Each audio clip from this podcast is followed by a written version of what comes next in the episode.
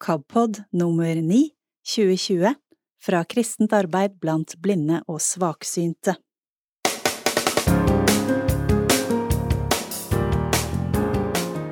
Vi skal høre om haptisk kommunikasjon. Det er informasjon som er gitt med hendene, og for blinde og svaksynte er det en spennende måte å motta ledsaging på.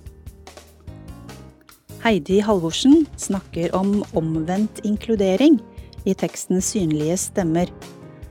Eh, hva når verden ikke er vant til en som deg? I vår nye andaktsserie ser vi på Salmenes bok, og det er Asbjørn Gabrielsen som sier at eh, Salmenes bok er dønn ærlig og befriende. Og her kan vi lære å be uten filter.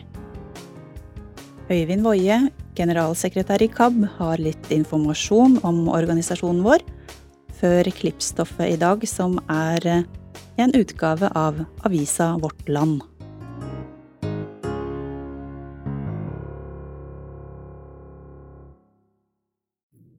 Da har vi, Anne, da har vi kommet inn på sanserommet. Eh, da tegner jeg opp rommet på ryggen her. Og da begynner jeg alltid nederst, som du husker.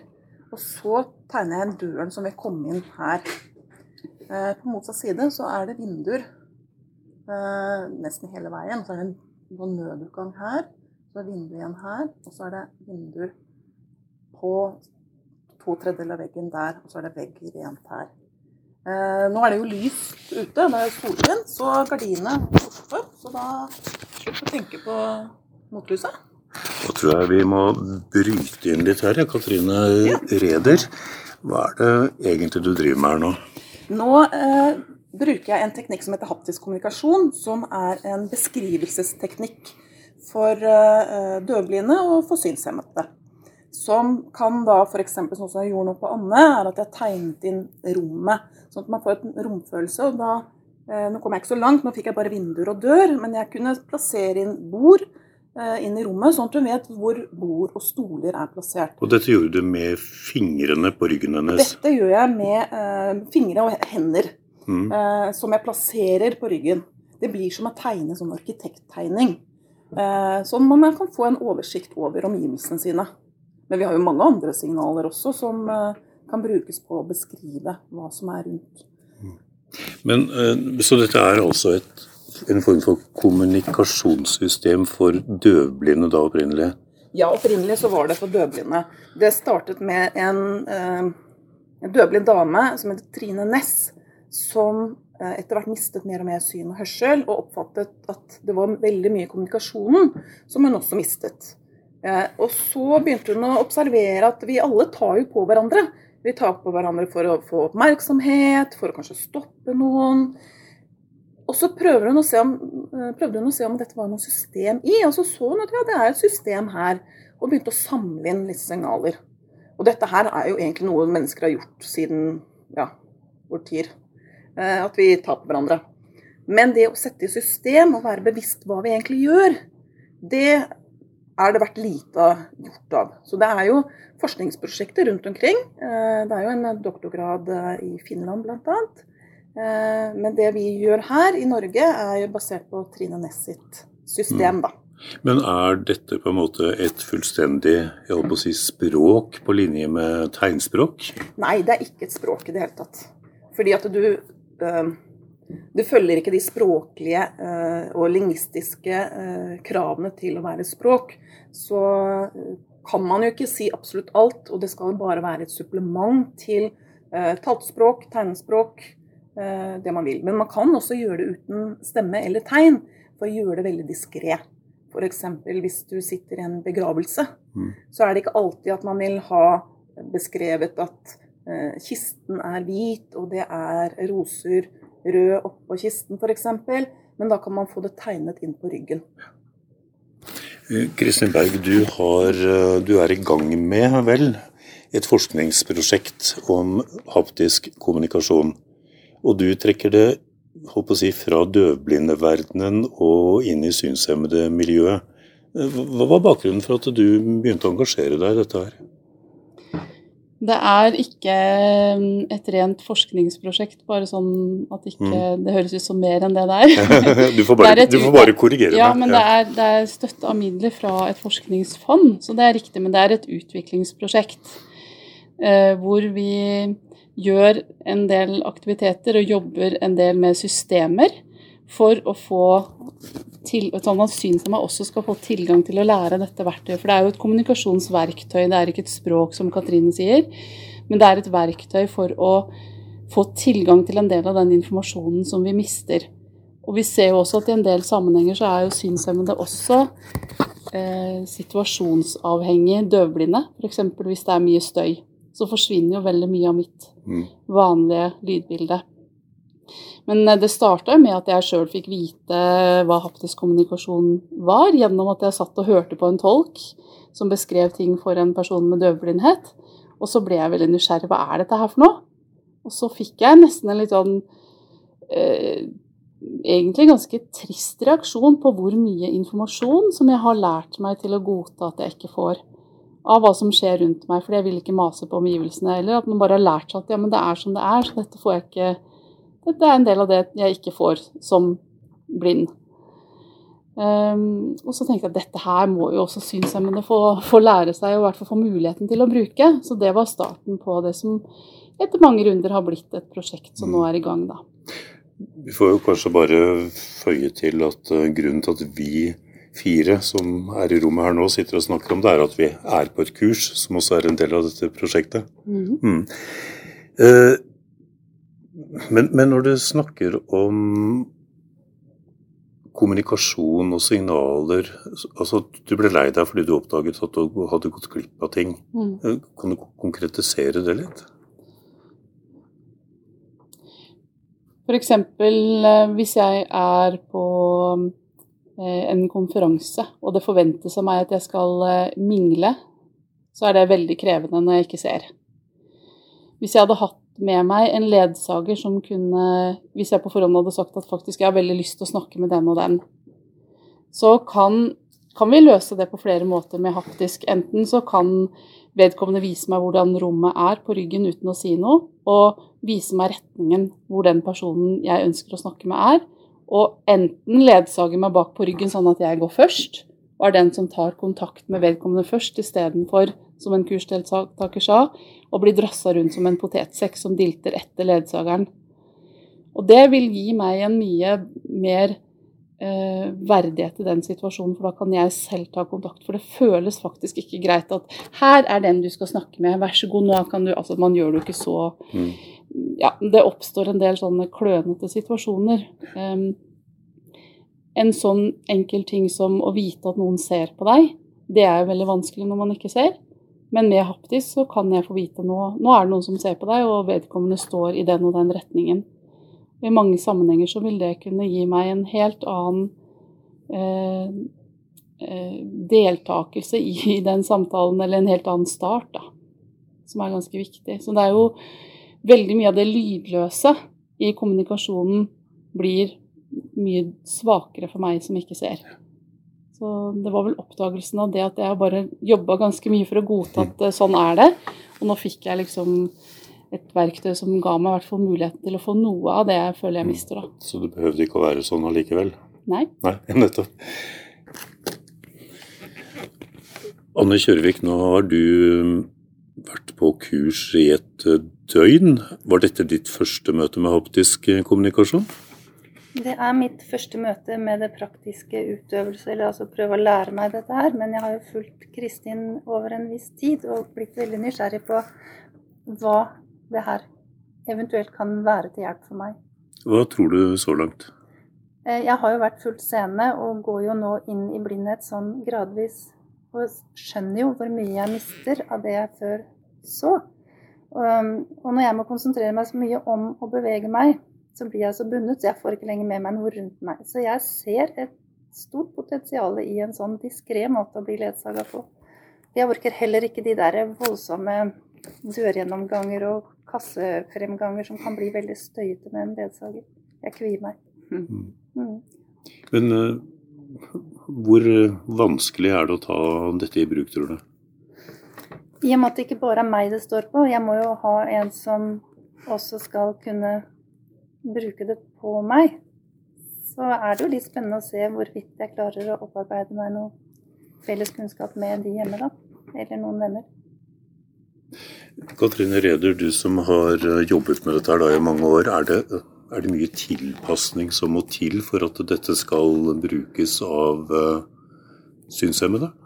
Altså folk som bare er synshemmede? Nei, det er veldig lite tilpasning. Uh, og sånn som Anne sa også, at uh, hva man gjør på et kurs, og hvordan og hva man gjør når man kommer hjem, det er egentlig veldig enkelt. Fordi at det, man trenger bare noen få signaler i utgangspunktet. Eh, F.eks. retning og vent. Eh, og nivå som vi kan bruke overarmen på. Vi trenger ikke å være i utgangspunktet, sånn at man blir vant til signalene. Eh, og så kan man bygge på videre. Og så har man forskjellige hjelpemidler. Om man vil ha en bok med bilder og tekst, eller nå har jo gjennom dette prosjektet med Kristin og Norges Blindeforbund, så har det jo eh, også blitt laget lydbok og eh, punkt. Og i tillegg så er det en app mm. som familiemedlemmer og andre venner kan laste ned. Som kanskje gjør terskelen enda lettere. Men selve signalene trenger ikke å tilpasses eh, til synshemmede sammenlignet med de som er eh, definert som syns- og hørselshemmede. Det trenger ikke. Mm. Jeg har selv lasta ned appen, faktisk. og det er jo veldig greit å kunne Da har du på en måte hele systemet i lomma og kan bare hente det fram når du trenger det. Ja, fordi at det er selvfølgelig det, de signalene som er på appen, er sånn grunnleggende. Mm. Men mye kan man kombinere videre, sånn at man får et større spekter å spille på. Men det krever jo trening.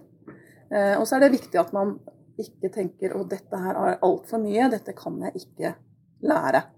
Men da, som jeg sa, ta et par signaler i utgangspunktet, og så går det gradvis. Det er egentlig som vi alle skulle knekke lesekoden en gang. Det er jo akkurat det samme, at vi bygger gradvis med forskjellige byggesteiner, og så blir det til en større sammenheng i mm. etterkant. Eh, Kristin, uh, til slutt. Uh, hvor mye bruker du haptisk kommunikasjon selv?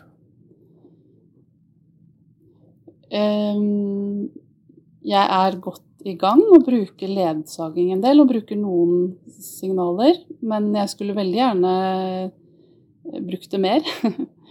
Så mm, det er jo det å få nærpersoner som er noe av problemet vårt, da, til å lære seg dette godt nok. Som er, For det selve systemet skal ikke vi tilpasse eller endre. Det er det det er. Det skal, det skal ikke forandres noe for synshemmede. Det som er litt forskjell på vår gruppe og personer med kombinert eh, sansetap, altså både syn og hørsel, er jo at man da har en rettighet til tolk, tolketjeneste i en del sammenhenger. Og da er jo det profesjonelle som kan dette her. Så vi skal jo tenke litt lurt rundt hvordan vi kan, kan møte behovet til synshemma rundt oppfølging, individuell tilpasning, muligheten mm. for å kanskje få Eh, ja, vi jobber bl.a. med voksenopplæringen i Oslo har vi begynt. Som kanskje kan eh, åpne for andre muligheter til å få individuell oppfølging. Eh, mer enn det vi får til på et kurs her. Kanskje man da på sikt kan få til en ordning sånn at man kan ha med seg sin assistent f.eks. Og mm. få et eget opplæringsopplegg på voksenopplæringen. Det hadde vært veldig fint. Vi skal også lage møteplasser. Lagd en Facebook-gruppe for folk som har vært på kurs, hvor man kan gi hverandre tips. Kanskje vi kan få til noe med nettmøter, individuelt Altså det er mange ting vi kan gjøre for å prøve å gjøre det mulig for folk å få oppfølging etter kurset, da. Mens vi sitter her, så har vi en eh, stuntreporter, får vi nesten kalle det, ute som eh, tester ut eh, denne kommunikasjonsformen i praksis. Jeg tror vi skal høre hvordan det går med Hilde Grumstad. Ja, nå skal du få noen smakebiter fra hvordan det var å være på haptisk kommunikasjonskurs. Eh, både Frank og jeg var jo med som ledsagere, vi var ganske spente. Jeg har aldri vært med på noe sånt før, og tenkte hm, hvordan skal dette gå? Nå skal du først få høre litt om hvordan det var når vi skulle beskrive rom. Nå skal du få lov til å få de blanke arka, ja. og så skal du tegne et rom som en sånn eh, arkitekttegning av et rom som du liker, eller du har vært i. Og så skal din makker ikke se på det. Nei. Og så skal du forklare det rommet til din makker, faktisk. Og så skal din makker gi tilbakemeldingssignal på ja og nei, om du har forstått det eller ikke. Og så skal vi ha en liten se åssen det går. Men hva skal rommet inneholde? Liksom sånn? Ja, det er det. Hvor vanskelig vil du gjøre det for deg selv? Ja? Så jeg kan gjøre det ganske lett for meg selv. Ja, hvor vanskelig skal vi gjøre det? Eh, vi fikk utdelt blanke ark, hørte du kanskje, men de blanke arka, de er en rygg. Så jeg som ledsager skulle tegne på ryggen til den jeg var ledsager for, for å beskrive rommet. Nå er ikke jeg noen stor tegner, men så lenge man klarer å tegne litt rundinger og firkanter og ellers eh, nesten fyrstikkmennesker, så går det veldig bra. Og det var helt utrolig hvordan eh, hun jeg var ledsager for, fikk en helt annen opplevelse av hvordan dette rommet hun var i, var, etter å få det tegna på ryggen. Ja, så vi kunne altså tegne rommet på ryggen, og det som også var litt kult, var at vi kunne pusse ut. På den måten så kunne vi zoome inn i rommet. Først så kunne jeg tegne på ryggen hennes hvordan rommet var. Eh, Hvor er dørene plassert, hvor er vinduene plassert, hvor mange bord er det i dette rommet, hvor står kaffen plassert, kan være fint. Og så kunne jeg liksom pusse ut bare med å stryke på ryggen, og så kunne jeg for eksempel bare tegne kateteret, og så kunne jeg beskrive alt som var på det kateteret, eller jeg kunne beskrive hvor kaffen sto, hvor koppene var, så da kunne vi altså gå fra makro til mikro. Fordi den retningen du har i hodet og det som hun oppfatter, kan jo være en liten forskjell. Så hvis ikke hun svinger nok da, så må du mase på retning, på en måte. Ja, men da har du har kontakt hele tida. Sånn, du slipper aldri Slipper aldri kontakt. Eh, Så det, nå er det jo et rom med mange hindringer, så da hadde jeg gått bak hele tiden. Nå er vi over på ledsaging, og da kan vi også både tegne på ryggen, eller eventuelt gå over til å gi tegn på overarm, eller faktisk ned på hånda.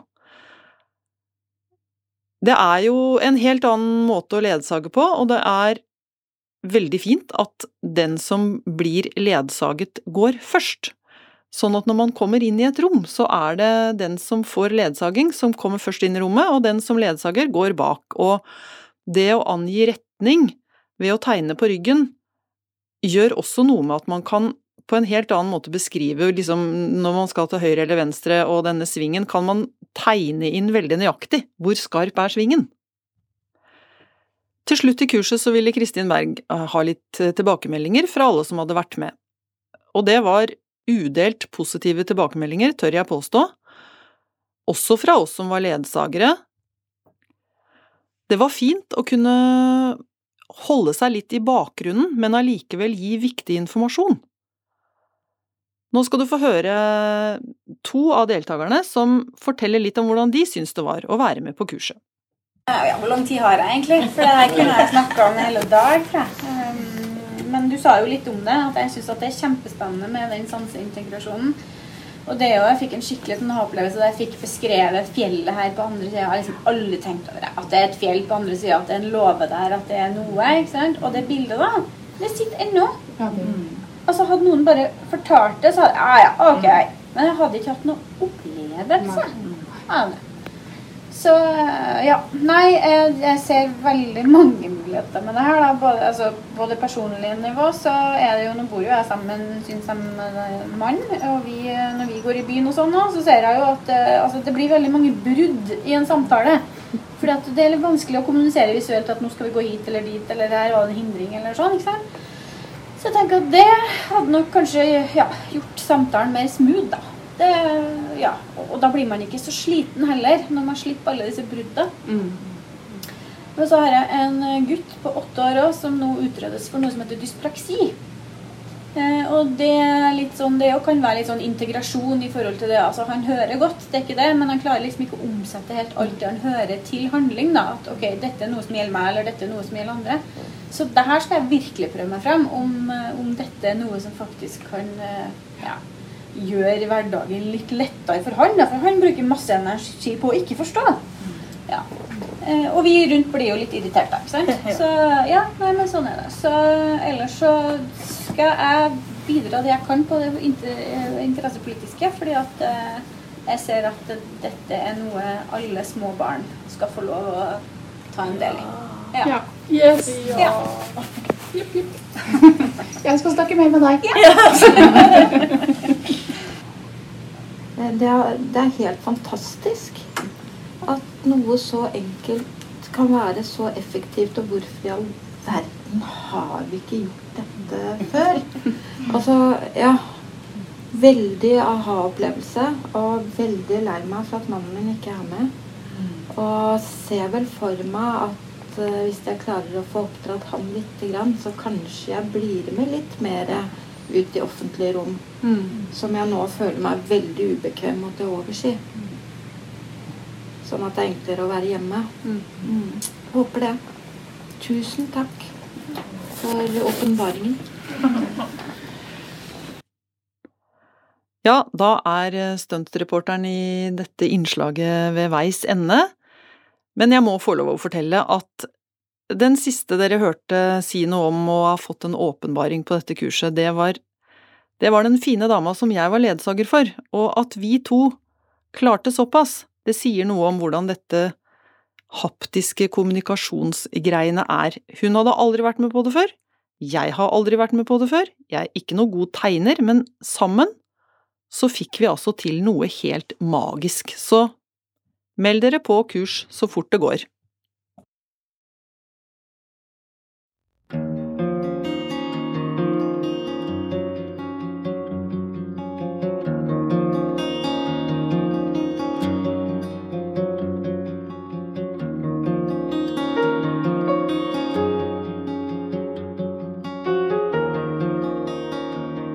Omvendt inkludering.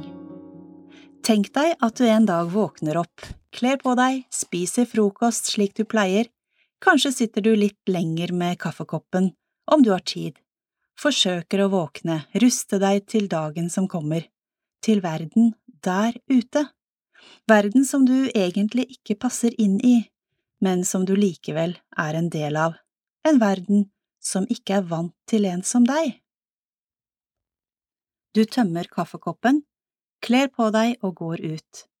Kanskje skal du i butikken, på jobb eller kanskje på trening, eller til fysioterapeuten, legen eller et møte i kommunen. Kanskje tar du en drosje, kanskje tar du buss, eller kanskje kan du spasere, alene eller sammen med en ledsager. Uansett hvor du skal, blir du møtt av det samme, de samme nysgjerrige spørsmålene, forbausede kommentarene. Hvordan klarer du deg uten å se? Jeg har sett på deg lenge, du søler ikke så veldig mye når du spiser. Hvordan kan du være blid når du er blind? Har du alltid vært blind? Det koster vel samfunnet mye at du er i jobb? Eller om du har med deg en ledsager, så kan det hende stemmen din ikke blir hørt, uansett hvor høyt du snakker. Betjeningen i butikken, den kommuneansatte du skulle møte, de snakker konsekvent til ledsageren din. Tenk deg at du kommer hjem etter en slik dag. Kanskje er du litt sliten av å svare på spørsmål, smile deg gjennom dagen, forsøke å vise at du er en oppegående og normal person, tross alt, at selv om du ser annerledes ut, så hører du til. Du legger deg, trenger å hvile, sove. Når du våkner neste morgen, vet du at det er på'n igjen. Dette er faktisk mye av slik min hverdag er. Jeg tror ikke noe av dette er vondt ment fra folk. Jeg er ganske sikker på at det handler om uvitenhet.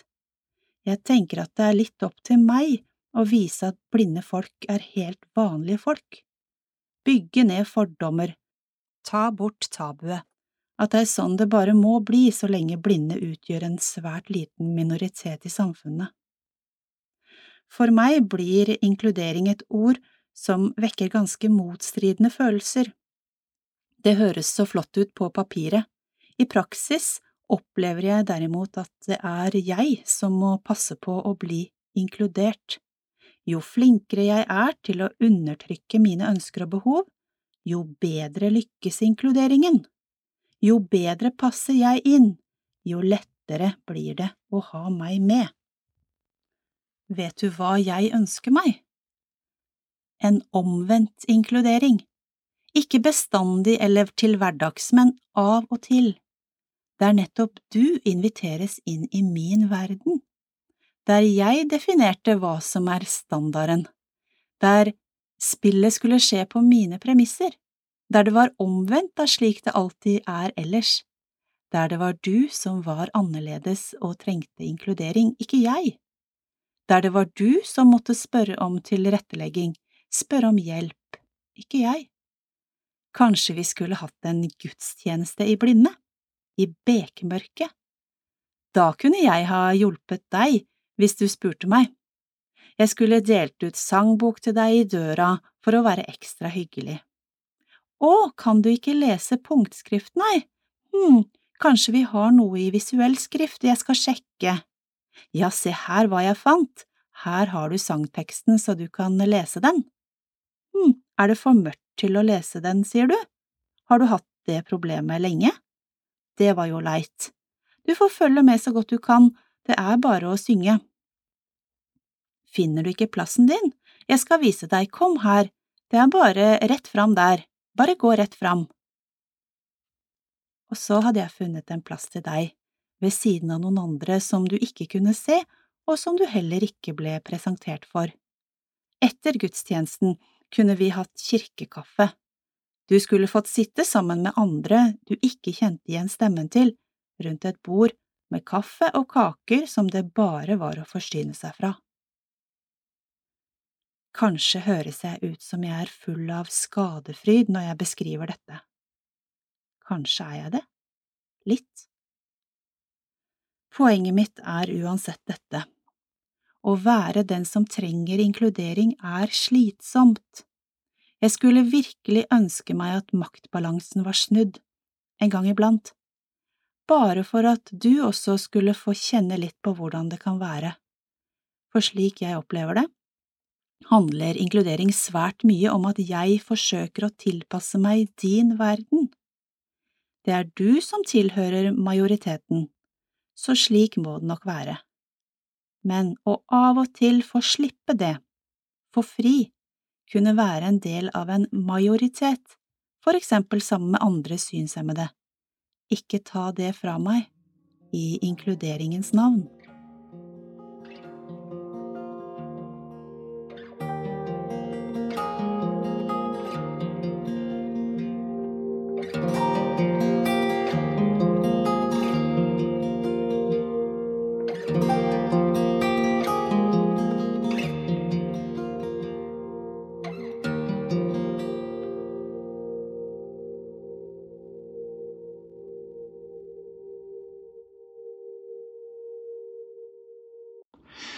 Hei, alle sammen, og velkommen til en ny serie om tanker om tro.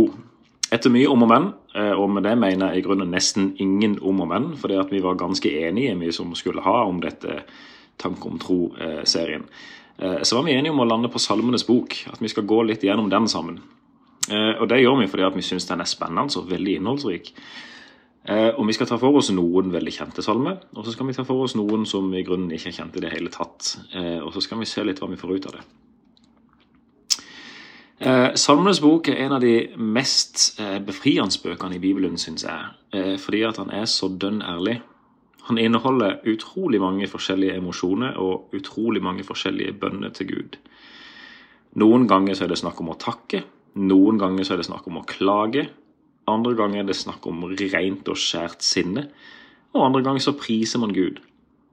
Altså Han inneholder alt fra de store, største, skikkelig gammeldagse hallelujarop til Rop som 'Kjære Gud, må du knuse mine fiender'. Ganske stor bredde der, altså. Og den siste typen der er vi ikke alltid like glad i å snakke om. Eh, men vi skal ta litt tak i det òg. Eh, selv om de er litt ubehagelige å lese, kanskje, så, så, tror jeg det går an å få noe ut av det. Og så er det lurt å lære litt om åssen tid de er skrevet i. For meg har òg Salmenes bok vært en god måte å lære å be på det er en bok som viser at det er greit å være helt ærlig med Gud. Be helt uten filter, rett og slett. Det er liksom det vi har en tendens til å gjøre eh, vanligvis. Vi, vi ber ofte med filter. Ofte fordi at vi har en respekt og ærbødighet for Gud, men òg av og til fordi at vi er litt redde for å være helt ærlige med Gud. Vi er redd for hva det betyr eh, å være helt ærlig med Han. Men er det egentlig noe vits i å spille overfor Han? Han vet allerede hva vi tenker på, og han vet allerede hva som ligger på våre hjerter. Eh, så er det egentlig litt befriende da å lese at det går an å be på denne måten som salmistene gjør. For de ber uten filter, og det tror jeg vi òg kan strebe etter å gjøre.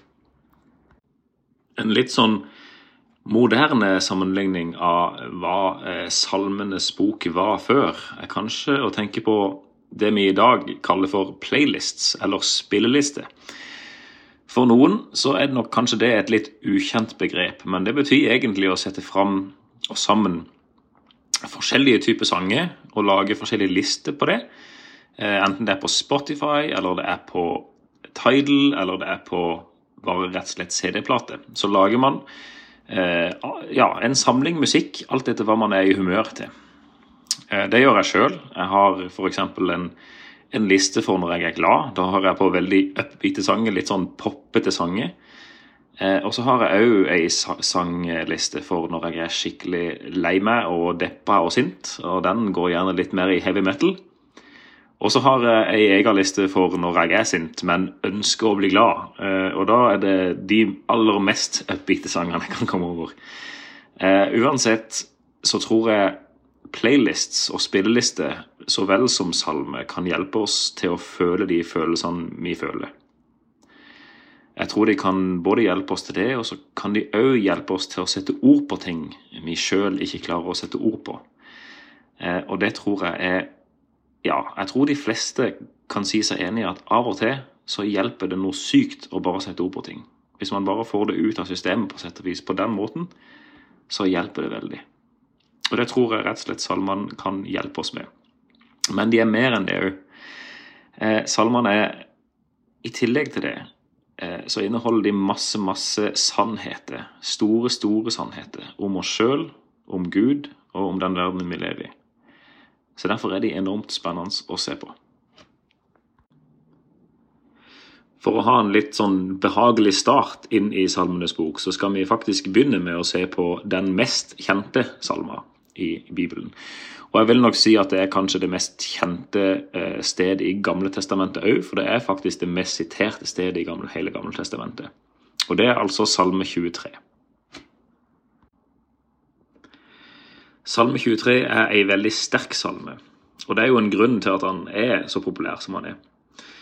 Det er rett og slett en deklarasjon av troskap midt i en veldig vanskelig situasjon. David, som angivelig har skrevet denne salma, er i en fryktelig situasjon her. Han kaller det sjøl for dødsskyggens dal, faktisk. Likevel lovpriser han Gud og erklærer at han stoler på han fullt og helt. David har òg bakgrunn som gjeter, og det merker vi jo preger hele salma, rett og slett. Eh, han snakker om Gud som hans egen gjeter, og seg sjøl som en slags sau, egentlig, som å bli gjeta rundt. Og hvis man eh, vet litt om, om ja, hvor dumme sauer kan være, som David visste alt om, så skjønner man at han bruker ikke et veldig sånn flatterende uttrykk om seg sjøl her. Eh, så ja, Først litt om hvordan salmer er bygga opp, for han er faktisk delt i tre deler. Den første delen er fra vers 1 til 3. Her snakker David om Gud i tredje person. Herren er min hyrde, skriver han. Eh, og handlinga utspiller seg egentlig her på engene. Han lar meg ligge i grønne enger, som David skriver. Eh, og det omhandler òg altså en gjeteregenskap med Gud her. Og det er at Gud leder David. Så her er det altså snakk om Gud som en god leder. Og Så beveger vi oss videre til del to, som i grunnen bare er ett vers, eh, og det er vers fire. Eh, forstår vi at vi har skifta litt setting, vi har skifta litt eh, sånn område. Nå er vi altså i dødsskyggens dal. Her får vi høre mer om Gud som beskytter, og at han beskytter David midt i dødsskyggens dal. Og del tre, som i grunnen er resten av salma, eh, omhandler Gud som forsørger. Og nå har vi flytta oss inn i teltet der eh, David spiser og får alt servert av Gud. Det er at Gud forsørger han, rett og slett. Denne salma har nok trøsta veldig mange, og det er nok i den sammenhengen jeg har stort sett hørt han brukt. Eh, men for meg så assosierer jeg kanskje noe helt annet med han først. Og det er egentlig at han er ganske utfordrende. Eh, for min del så syns jeg kanskje det kan være vanskelig å oppleve Guds nærvær og at han er nær meg når jeg går gjennom dødsskyggens dal. Av og til har jeg gjort det, og absolutt av og til har jeg ikke kjent det på den måten i det hele tatt. Og jeg syns òg det kan være vanskelig å be den bønnen om at jeg mangler ingenting, som David sier. Ofte kjenner jeg på det at det er veldig mye i livet mitt som ikke er på stell, og at jeg mangler faktisk en hel del. Samtidig så er det stor forskjell på det man ønsker seg, og det man faktisk mangler sånn rent livsnødvendige ting. Så det må man skille på her. Men jeg kjenner likevel at den bønnen kan være ganske utfordrende. Så for meg så kjenner jeg nok at denne bønnen er sånn jeg ønsker jeg reagerte når jeg går gjennom tøffe tider. Det er ikke nødvendigvis sånn jeg faktisk reagerer, men det er en sånn idealversjon av meg sjøl, der jeg faktisk takler det på den måten jeg ønsker å takle det. Så det er en utfordring til troa mi mer enn det er en trøst for min del. Men det er jo en fin ting. Det er ikke sånn at eh, denne salma nødvendigvis er der for å trøste. Det kan godt hende at den er der for å utfordre og minne oss på troa vår i ganske tøffe tider.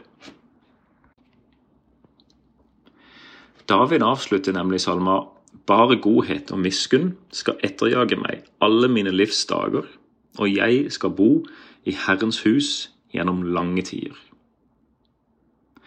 Og Dette er en konklusjon han sjøl trekker basert på erfaringer han har. Han snakker altså om ei god framtid basert på hva han har opplevd i fortida si. Han har nemlig opplevd at det å stole på Gud, og det å stole på den ultimate hyrde, det funker. Eh, og nå er det kanskje veldig mange her som, som, kjenner litt på det samme som jeg gjør. Kanskje dere ikke alltid har hatt erfaringer at Gud er, oppleves veldig nær. Eller kanskje dere ikke har turt å helt stole på det noen gang eh, når dere står i tøffe tider. Så av og til så er det ikke lett å stole på sine egne erfaringer der. Men av og til så går det an å stole på andre sine erfaringer. Og her tenker jeg kanskje vi skal prøve å stole på Davids erfaringer. Han utfordrer oss til å gjøre det og gå for det at Herren er vår hyrde. Det å tørre å kaste oss litt ut i det og stole på at Han er der, sjøl om vi ikke alltid opplever det sånn. Det er liksom det salma utfordrer meg til å tenke litt. Aller først så skal vi fortelle om de samlingene som er i noen av de lokalforeningene vi har. Vi har lokalforening i Oslo, Oslo og omegn lokalforening av KAB, så har vi en forening i Kristiansandsregionen, og så har vi en forening i Stavanger. Eh, vil du ha mer lokalforening, så snakk med meg, det er ikke noe grunn til å ikke skulle ha det, men vi trenger at noen er i stand til å holde tak i det og organisere møter, men vi skal hjelpe til med det. Men nå gjelder altså Stavanger forening av KAB først, som har møte den 23. september, det er en onsdag, klokka 18.30 i Totalen i Weissenhusgaten 5, 4012 Stavanger. Her blir det andakt av Kari Gudmundsen, som også forteller fra Japan. Ellers så blir det sosialt samvær med hverandre og nytt om KAB. Alle er hjertelig velkommen. Med vennlig hilsen Wenche Torkelsen. Så bor du i sånn passe avstand til Stavanger, eh, hvor det nå måtte være, om det er i byen eller helt ute på Nærbø for den saks skyld, eller inne på Tau, så ta deg en tur. Det kan være fint å treffe andre. Så er det Oslo og omegn lokalforeninga KAB, heter det, som har møte søndag 4. oktober klokka 18.30 i Fagerborg menighetshus, Rosenborggata 3. Per Ragnar Aas forteller om sine opplevelser i Øst-Afrika og holder andakt. Av hensyn til covid-19 ber vi om påmelding til Nina Johnsen, telefon 92 20 40 85, eller til styret ved Erling Sundbø, som er 97 51 88 59. Så her er altså folk eh, velkommen som kommer fra regionen rundt Oslo. Nå har jeg jobba i KAB i litt over ett år som generalsekretær. Det er jo ikke helt sant at jeg bare har vært der i ett år, for jeg har jo vært her også fra 1984 til 1996, men det er jo ganske lenge siden, selv om jeg også var leder da. Det som er litt interessant, er at eh, KAB har en del av de samme utfordringene i dag som vi hadde tilbake i 1996 og åra før det. Det handler ikke så mye om eh, økonomi og det å bli tatt eh, på alvor og det å jobbe sammen med andre organisasjoner og kirka, for der er KAB i en unik situasjon. KAB blir sett og hørt, og KAB blir tatt med på råd og lagt merke til. Men utfordringene i forhold til dere som bruker KAB, der har det endra seg noe, men en del er litt likt, og det handler om kontakten med lokalmenighet, det handler om å mestre livet sitt, det handler om å leve i den hverdagen som en lever i som synshemma. Og der må vi jobbe videre i KAB. Vi må fortsette å formidle det som er viktig, og det som opptar de som bruker KAB, de som er medlemmer av KAB. Og derfor så er det innmari viktig at du blir medlem av KAB. Det er veldig viktig å forstå et par ting rundt det. Du trenger ikke å være medlem av KAB for å bruke KAB. Du trenger ikke å være medlem av organisasjonen KAB for å bruke biblioteket vårt, eller for å bruke det å være med på leir, for eksempel. Men det er så smart hvis du blir medlem, for da er det en til i medlemsregisteret vårt som vi kan peke på når vi regner opp antall medlemmer som viser hvor store vi er, og så gir det statsstøtte som KAB trenger for å videreutvikle seg og drive framover. Så hvis du ikke har lyst til å gi penger til KAB på noen som helst annen måte, men du har lyst til å gi noe tilbake fordi KAB er bra, så syns jeg du skal bli medlem. Det koster deg 125 kroner i året når du er en voksen person, og hvis du er under 16 år, så koster det 80 kroner. Du får altså én giro én gang i året på 125 kroner. Når du betaler medlemskapet, så får KAB flere tusen kroner i statsstøtte per medlem. Det gir muskler til å drive KAB, til å sikre tilbudet og til å sikre tjenestene. Så hvis du sitter nå og tenker mm, er jeg medlem, da syns jeg du bør ta kontakt med KAB. Du kan eh, ringe til 69 81 69 81 og spørre om du er medlem hvis du er usikker, eller du kan sende oss en e-post på kabalfakrøllkab.no og melde deg inn, eller si at jeg er ikke sikker på om jeg er medlem, jeg. Det er ikke så lett å vite alltid hva man gir penger til eller hvor man er medlem. Oppfordringa mi først og fremst til deg nå er sjekk om du er medlem, og hvis ikke, så bli medlem. Det følger med noen medlemsfordeler som handler om rabatter på kjøp av bøker og lydbøker og leirer og sånn, men det er ikke det som er viktig. Det viktige er at du registrerer deg som KAB-medlem. Kanskje du syns det ble litt mas det der, men tenk, og tenk at eh, her er det en måte å være med og bidra til å sikre at KAB går videre.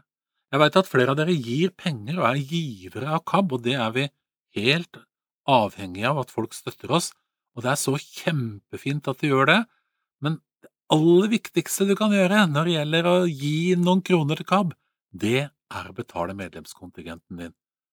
Og det er viktig å gjøre det fort, for når vi teller antall medlemmer, så gjør vi det 31.12.2021. Det er det tallet som vi søker driftsstøtte hos eh, den norske regjering og stat, og som avgjør hvor mye penger vi får i støtte det året som kommer etterpå der igjen. Så oppfordringen er klar, bli medlem, rett og slett. Vi eh, sendte ut et nyhetsbrev til alle medlemmer. Eh, det gjorde vi i august. Det sendte vi både først og fremst på e-post, så e-posten din er vi veldig opptatt av å få tak i. Der i nyhetsbrevet ble det gitt informasjon om forskjellige ting som skjer i KAB, og framover så blir det nok viktig å ha nyhetsbrev for å få med seg hva som er av arrangementer og tilbud. Nyhetsbrevet kan også få en lydutgave. Akkurat nå for tida så er vi inne i en høst der vi gjør en del endringer på KAB. Du kommer ikke til å merke så mye til det, men vi bruker litt ressurser nå på å bli enda bedre til å samle inn penger. Derfor så skal vi få på plass et nytt giversystem og et nytt medlemssystem, og i den forbindelsen så er det noen som heter KNIF, Kristen-Norges innkjøpsfellesskap, som kommer til å ringe noen av dere, spørre dere hvordan er det egentlig å forholde seg til KAB, rett og slett. Så det skjer eh, nå i høst, og så har vi jo disse aktivitetene våre som mange har lyst til å være med på. Vi har hatt en lang koronaperiode som har gjort at vi har måttet avlyse store og viktige arrangementer i KAB, og det synes vi er skikkelig dumt. Derfor så søkte vi penger fra Damstiftelsen om å kunne få litt støtte til å arrangere treff rundt omkring i Norge, og de fleste av dere har fått med dere at vi har noe som heter KAB kortreist, og der begynner det å bli temmelig fullt i Oslo, såpass fullt at vi kommer til å arrangere flere sånne arrangementer seinere, i hvert fall ett. Men det er ledige plasser rundt omkring i eh, Agder-området. Vi skal være altså i Oslo, i Vestfold, vi skal være i Kristiansand, vi skal være i Stavanger, og vi skal være i Trondheim, og vi skal også ha et treff i Nord-Norge som vi ikke har landa helt eksakt ennå. Har du lyst til å være med på noe av dette, så må du ta kontakt med KAB. Så får du vite litt mer om eh, når det er. Dette finner du også informasjon om eh, på nettsidene våre, og vi kommer til å snakke om det i nyhetsbrevet. Noen av disse kortrestarrangementene er ikke før over nyttår. Men meld deg på allerede i dag, for dette er populært. Målet med dette er å møte de som bruker KAB, og spleise folk sammen og snakke mer med dere om hva dere tenker at KAB skal være for dere. Vi har også fått mye pengestøtte fra Damstiftelsen til å lage nettmøter og nettkurs, og nettmøtene de er åpne, og det finnes informasjon om dem på eh, nettsidene våre. Du kan også ringe til KAB og spørre om dette. De kan du melde deg på å være med på, og bare droppe inn og være med når som helst. Nettkursene, der er det noen som er fylt opp, og noen som det fremdeles er ledig plass på, disse må du melde deg på.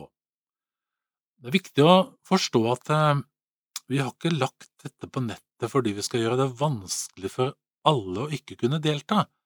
Jeg tenker at eh, noen av dere har vært flinke til å strekke dere og være med på nettmøte på Zoom, noe dere aldri har gjort før. Eh, og andre av dere syns kanskje det er vel utfordrende. Du må ha en eh, datamaskin, en PC eller en mobiltelefon, og du må henge med inn på noe som heter Zoom, som er en app du kan laste ned. Når man har gjort det noen ganger, så er det ikke så veldig vanskelig, og du kan få hjelp og instruksjon fra oss her på KAB. Du kan trene på det med oss, sånn at du får det til å funke. I tillegg så går det altså an å ringe opp til disse møtene og være med på bare via telefon. Og så har du en telefon, om det er nummerskive for den saks skyld, så kan du være med på disse nettmøtene og nettkursene. Ta kontakt med oss og spør hvis du trenger hjelp til dette, og du finner mer informasjon om dette på nettsidene våre. Vi har eh, vært heldige og klart å få på plass eh, innlesningen av en lydutgave av Avisa Vårt Land. Det fortsetter vi med framover, men vi trenger at flere bruker det tilbudet. Eh, vi har en 60–70 abonnenter nå, men vi tenker at det er flere som kan ha glede av å få tilsendt Vårt Land. Du kan få det på CD, da er det litt forsinkelse i utgivelsene, men du kan først og fremst få det digitalt via Lydhør-appen. og du kan abonnere på det der, slik at du får det hver dag eh, som en fersk avis. Syns du dette er eh, lett, så kaster du det bare rundt omkring og fikser det sjøl på eh, låneopplegget ditt via nettsidene som vi har sammen med NLB. Syns du det er vanskelig, så syns jeg du skal også tørre å ta opp den telefonen og sende en mail og si at dette syns jeg er vanskelig, jeg trenger hjelp. Det er ikke noe grunn til å ikke prøve. Det er ikke noe grunn til å la være å tenke sånn at eh, dette er ikke noe for meg, for jeg er for gammel eller jeg får ikke dette til. Vi har erfart at flere har prøvd, og at det har vært bra. Og Hvis du lurer på hvordan eh, vårt land er på lyd, så får du en smakebit på det her, i denne KAB-podden, hvor vi har en sånn klippstoffdel som rett og slett er et utdrag fra en innlesning av Vårt Land. De som bruker det, sier at de føler seg mer oppdatert, følger med på hva som skjer i Kirke- og Kristen-Norge, eh, veit noe som de kan ta med seg i møte med andre, enten det er i menigheten eller venner, kan være med i diskusjoner, kan delta og være mer aktiv. Det kan hende noen tenker at eh, jeg har lyst til at du skal lese inn Dagen. Ja, da er det bare å si fra, da, så får vi begynne å jobbe for det. Det er ikke sånn at eh, KAB bare skal lese inn Vårt Land. Vi leser jo inn menighetsblader, organisasjonsblader og magasiner, og hvis noen tenker at eh, det er dagen som er den rette avisa for meg, så syns jeg du skal si ifra. Og det er sånn KAB er, at det er veldig viktig at du sier hva du trenger. Det at vi skal sitte her og finne på, og jeg som generalsekretær skal finne på hva du trenger, det er ikke noen bra løsning. Så kan det hende det tar litt tid før vi får det på plass, men vi er helt avhengig av jeg trenger så veldig gjerne, nå når jeg har vært der ett år, å høre hva du ønsker deg. Vil du snakke med meg, så kan du ringe 400 20801, eller sende meg en e-post til Oyvind, altså jeg heter jo Øyvind, men det er o-i-v-i-n-d, punktum voie, w-o-i-e, alfakrøll, kabb.no. Jeg klarer faktisk å lese håndskrevne brev, og jeg kan klare å tyde meg gjennom et punktskriftbrev også, så ta kontakt på den måten som du er komfortabel med, så blir KAB til et bedre KAB, rett og slett. Velkommen til Vårt Land på lyd torsdag 17. september. Det er Bjørn Kristoffer Bore som er redaktør i avisa, og i dag er det Hilde Løven Gromstad som leser i denne lydutgaven, produsert av KAB, Kristent arbeid blant blinde og svaksynte. Dagens leder har overskriften Historisk avtale. Avtalen, som ble undertegnet foran Det hvite hus mellom Israel, De forente arabiske emirater og Bahrain, er en historisk begivenhet. For første gang siden 1993 inngår arabiske land fredsavtaler med Israel. Det er en triumf for president Donald Trump. Men nok til å gi ham en fredspris er det ikke. Isolert sett betyr ikke avtalen så mye. Når Israels statsminister snakket om at de gjør slutt på blodsytytelser, er det en voldsom overdrivelse. De forente arabiske emirater og Bahrain har ikke vært i kamp med Israel militært, og de to utgjør heller ikke noen militær trussel mot Israel. Avtalene åpner også for økt våpensalg til de to landene, både fra USA og Israel. Det som likevel gjør avtalen historisk, er at de bryter opp en langvarig arabisk front mot Israel. Det er grunn til å regne med at flere land vil følge etter. Israel har i mange år vært isolert i sine nærområder, og få slutt på det har vært høyt prioritert av israelske regjeringer. Det åpner mange muligheter, både økonomisk og politisk, som til nå har vært stengt. Iran og iranskstøttede Hizbollah og Hamas er de eneste virkelig militære truslene Israel står overfor. Med dem er ingen fredsavtale aktuelt. Men Israel kan nå stille seg i spissen for en arabisk front mot Iran. Det gir Israel større sikkerhet, men det skaper ikke nødvendigvis fred. De siste 20 årene har de arabiske land stått samlet om at Israel bare kan slippe ut av isolasjonen dersom de inngår en fredsavtale med palestinerne. Dette prinsippet er nå brutt. Palestinerne har forgjeves prøvd å få Den arabiske liga med på å protestere. I realiteten har de arabiske land sviktet palestinernes kamp for rettferdighet. Delvis skyldes det inkompetanse hos palestinske myndigheter. De har ikke brydd seg med å overkomme splittelsen mellom Hamas og Fatah, og taler derfor ikke med samlet stemme.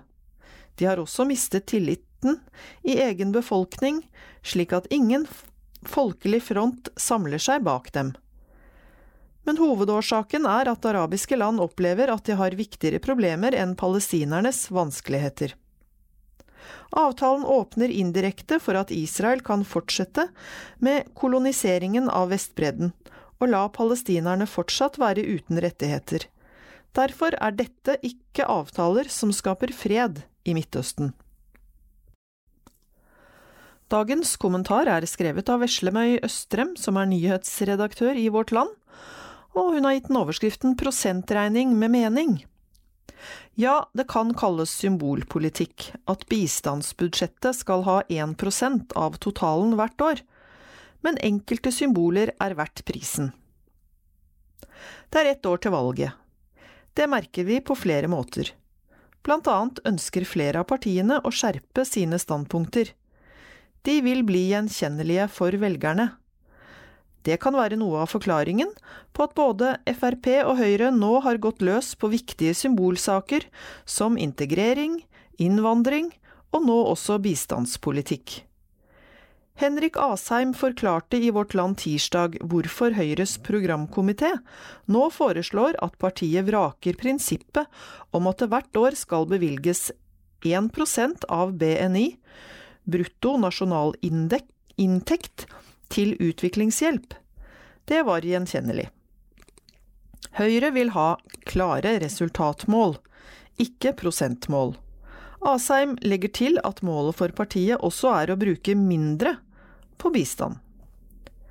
Dette er ikke helt nye takter fra Høyre, men politikken har ikke vært like tydelig formulert som den er blitt nå. Høyre har regjert på en plattform som har gitt KrF og Venstre gjennomslag på dette feltet. De må også forholde seg til bistandsforliket i Stortinget fra desember 2016, der alle partier minus Høyre og Frp vedtok et slikt prosentmål. Asheim hevder at KrF tviholder på 1% for prinsippets skyld, og får denne politikken samtidig til å høres suspekt ut. Som om det kastes penger etter verdens fattige for tiden. Sam samtidig fremmer partiet et 2 %-mål til Forsvaret og et 3 %-mål til forskning, så helt konsekvente kan selv ikke Høyre beskyldes for å være. Men er det ikke et litt merkelig prinsipp? at en kjempevekst på statsbudsjettet også automatisk gir en kjempevekst på bistandsbudsjettet? Selv i bistandskretser blir dette diskutert. Bistandsfeltet er blitt markant styrket med KrF i regjering. Samtidig har enkelte satsinger fått skarp kritikk.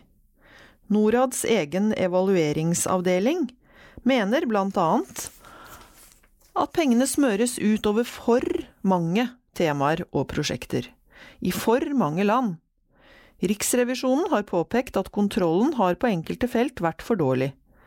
Hvis det skapes et inntrykk av at bistandsfeltet knapt klarer å bruke opp alle pengene de får, og at bevilgninger ikke fører til reell forbedring for verdens fattigste og mest utsatte, er det ingen fordel. Og hva så hvis statsbudsjettene ikke fortsetter å vokse vil det føre til uforutsigbarhet også for bistandsprosjektene. En bistandsdebatt er viktig, særlig hvis vi kan gå fra å føre en kalkulator- og effektdebatt til å skape nødvendig fornyelse fordi verden er i endring. Også bistandsfeltet møter akkurat nå flere store og dramatiske omveltninger. Klimaendringene ødelegger levegrunnlaget og skaper nye konflikter, særlig i land som allerede har høy grad av fattigdom. Arbeidsplasser forsvinner på grunn av ny teknologi. Men ny teknologi skaper også nye muligheter i lavinntektsland. Er norsk bistand og norsk næringsliv knyttet tett nok opp til de problemstillingene? Det nærmer seg også ett år siden det første covid-19-viruset dukket opp i Wuhan i Kina. I dag skriver Vårt Land om effekten koronakrisen har hatt på verdens aller fattigste. Den årlige Goalkeepers-rapporten fra Melinda og Bill Gates anslår at koronakrisen har ført 37 millioner flere mennesker ut i ekstrem fattigdom. Altså er en årelang framgang kraftig reversert. Det gjør, ikke, det gjør det ikke mindre viktig at ressurssterke, demokratiske land som Norge fortsetter som sentral premissleverandør og økonomisk bidragsyter på bistandsfeltet. På flere viktige politikkområder ser vi at vi bruker store summer på å reparere når det har gått galt, og langt mindre på å forebygge. Dette gjelder både helsebudsjetter, politibudsjetter, på sosialfeltet og i barnevern. Den innsatsen vi legger inn før problemene har vokst seg enorme, vil være småpenger sammenlignet med prisen vi betaler for ødelagte liv. Akkurat nå tror jeg vi må se på bistandsbudsjettet på samme måte. Vi må forebygge fordi verden er i endring. Endringene har allerede ført til flere konflikter, mer migrasjon, flere katastrofer, mer krig og fattigdom. Klarer bistandsfeltet å bidra til å bygge demokratiske samfunn, skape bærekraftige arbeidsplasser, trygge matproduksjonen og øke utdanningsnivået, er 1% i året en bitte liten kostnad. Da er 1% helt betimelig og ganske rimelig symbolpolitikk så skal Henrik Asheim og Høyre få rett i én ting. Bistandsbransjen trenger klare resultatmål. Det har også bransjen allerede etterspurt, annet her i Vårt Lands spalter. Da vil det være interessant å høre om Høyre vil ha de samme prinsippene på dette feltet som de har tatt til orde for i forslaget sitt til ny flyktningpolitikk. Den vil partiet nå definere som bærekraftig og Asheim har i NRK poengtert at programkomiteen først og fremst tenker at det er for oss, for Norge, denne politikken skal være bærekraftig. Norad-sjef Bård Vegar Solhjell bekymrer seg for den samme tendensen for bistandsfeltet. Han sier til Vårt Land onsdag at dette er en tankegang som brer om seg at innsatsen vi legger ned i form av bistand, skal komme oss selv til gode. Investorer skal ha avkastning, nasjoner skal inngå allianser, eller som det blir påpekt i Kinas tilfelle, at supermakten nå kritiseres for å bruke bistand for å få økt symbolmakt på verdensarenaen. I vår egen historiefortelling om Norge som en ivaretaker av verdens samvittighet, gjør vi strengt tatt noe av det samme. Vi bruker vår egen bistandsinnsats til vår fordel. I fjor, da vi kjempet oss frem til en plass i FNs sikkerhetsråd, brukte Erna Solberg nettopp dette poenget da hun skulle fremme Norges kandidatur. Våre stabile 1 %-bevilgninger til bistand. Så symbolpolitikk virker, også for Høyre. Dagens synspunkt får bli Hugin og Munin selger. Polfarer Børge Ausland har noen regninger som forfaller. Derfor fyller han kulturhus med fortellinger om ekspedisjoner som tøyer grensene for det man trodde var mulig, melder eventbyrået Attico. Som at Ausland gikk en skitur i fjor. Sammen med Mike Horn gjennomførte han i fjor en av de mest banebrytende polarekspedisjonene i moderne tid, over Nordpolen i mørket. Polarbragden var så banebrytende at Ausland nektet å bli hentet ut av helikopter, for da ville minutt for minutt-dekningen i VG av isødekampen bli ødelagt. Av myndighetenes redningsvilje. Feil. Stortingsrepresentant Christian Tybring-Gjedde er en meget beskjeden folkevalgt, som alltid setter seg selv i skyggen Derfor varslet han den amerikanske nyhetskanalen Fox News da han nominerte Donald Trump til Nobels fredspris, for norske medier ville ha vinklet nyheten helt feil om de hadde blitt varslet først, skriver Frp-eren i Aftenposten. Dette fikk jeg etter hvert bekreftet da absolutt alle henvendelser fra norske medier uteble, lyder det sårt fra Tybring-Gjedde. Også det var en feil erobring. Rådmannen er pensjonert, nå heter det kommunedirektør. Snart følger fylkesmannen etter, og kanskje kan Valgjerd Svarstad Haugland snart titulere seg som guvernør, slik hun så inderlig ønsker. Men Time kommune på Jæren vil også være moderne, innovativ og framoverlent. NRK Rogaland kan nemlig fortelle at Time har fått ny nordfører. Varsler dette at Time kommune ønsker å underlegge seg alt land nord for Bryne, mon tro? Fall. Mange er de som anklagende hevder at engelsk fortrenger norsk. I Norge. De som leste bilaget sist fredag, fikk nye argument. Trykket øverst på sidene 2, 3, 4 og 21 sider til, for her sto det Friday 11. September 2020. Bilagets Bladstyrer avviser at det var en redaksjonell markering av tvillingtårnenes spektakulære feil. Det var kun snakk om korrekturens forfall. Vi er over på nyhetssaker og starter med reportasjen fra Hans Christian Paulsen. Brukte millionbeløp på å forsvare seg. Brunstad Christian Church, BCC, anmeldte påvirkningsoperasjonen som ble utført mot dem, men politiet i Oslo henla anmeldelsen. Det kostet kirken minst ti millioner kroner å håndtere påvirkningsoperasjonen. Først ble vi sjokkert, sier Berit Hustad Nilsen, styreleder i Brunstad Christian Church. Det er følelsen hun beskriver da The New Yorker kontaktet BCC og forklarte at de skrev en artikkel om at kirkesamfunnet var gjenstand for en påvirkningsaksjon bestilt fra Amsterdam.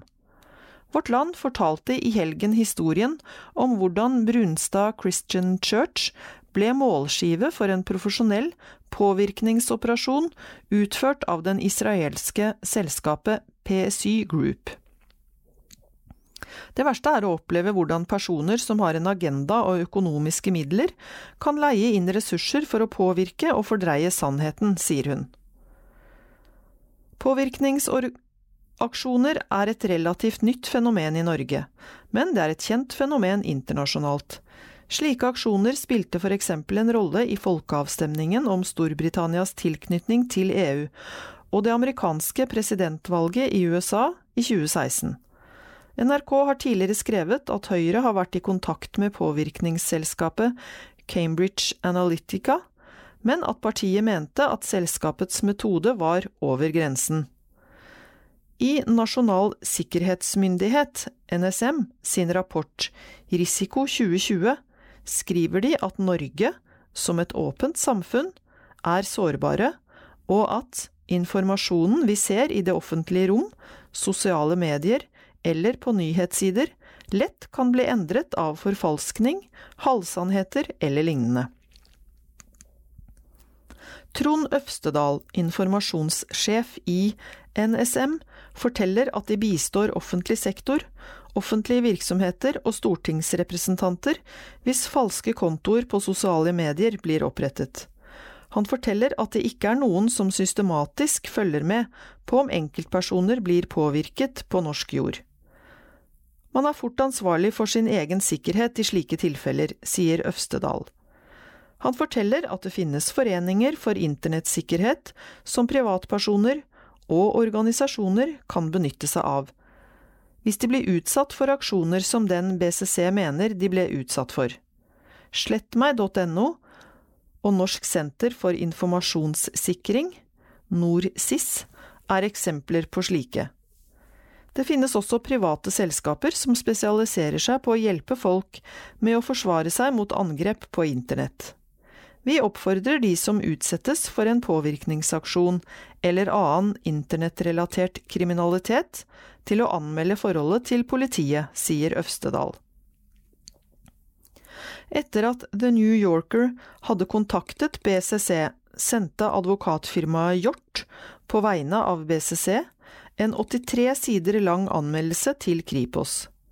Den berørte en rekke forskjellige forhold, blant annet påvirkningsaksjonen fra Psy Group. Kripos oversendte anmeldelsen til Oslo politidistrikt. Vilkåret for å iverksette etterforskning er oppfylt.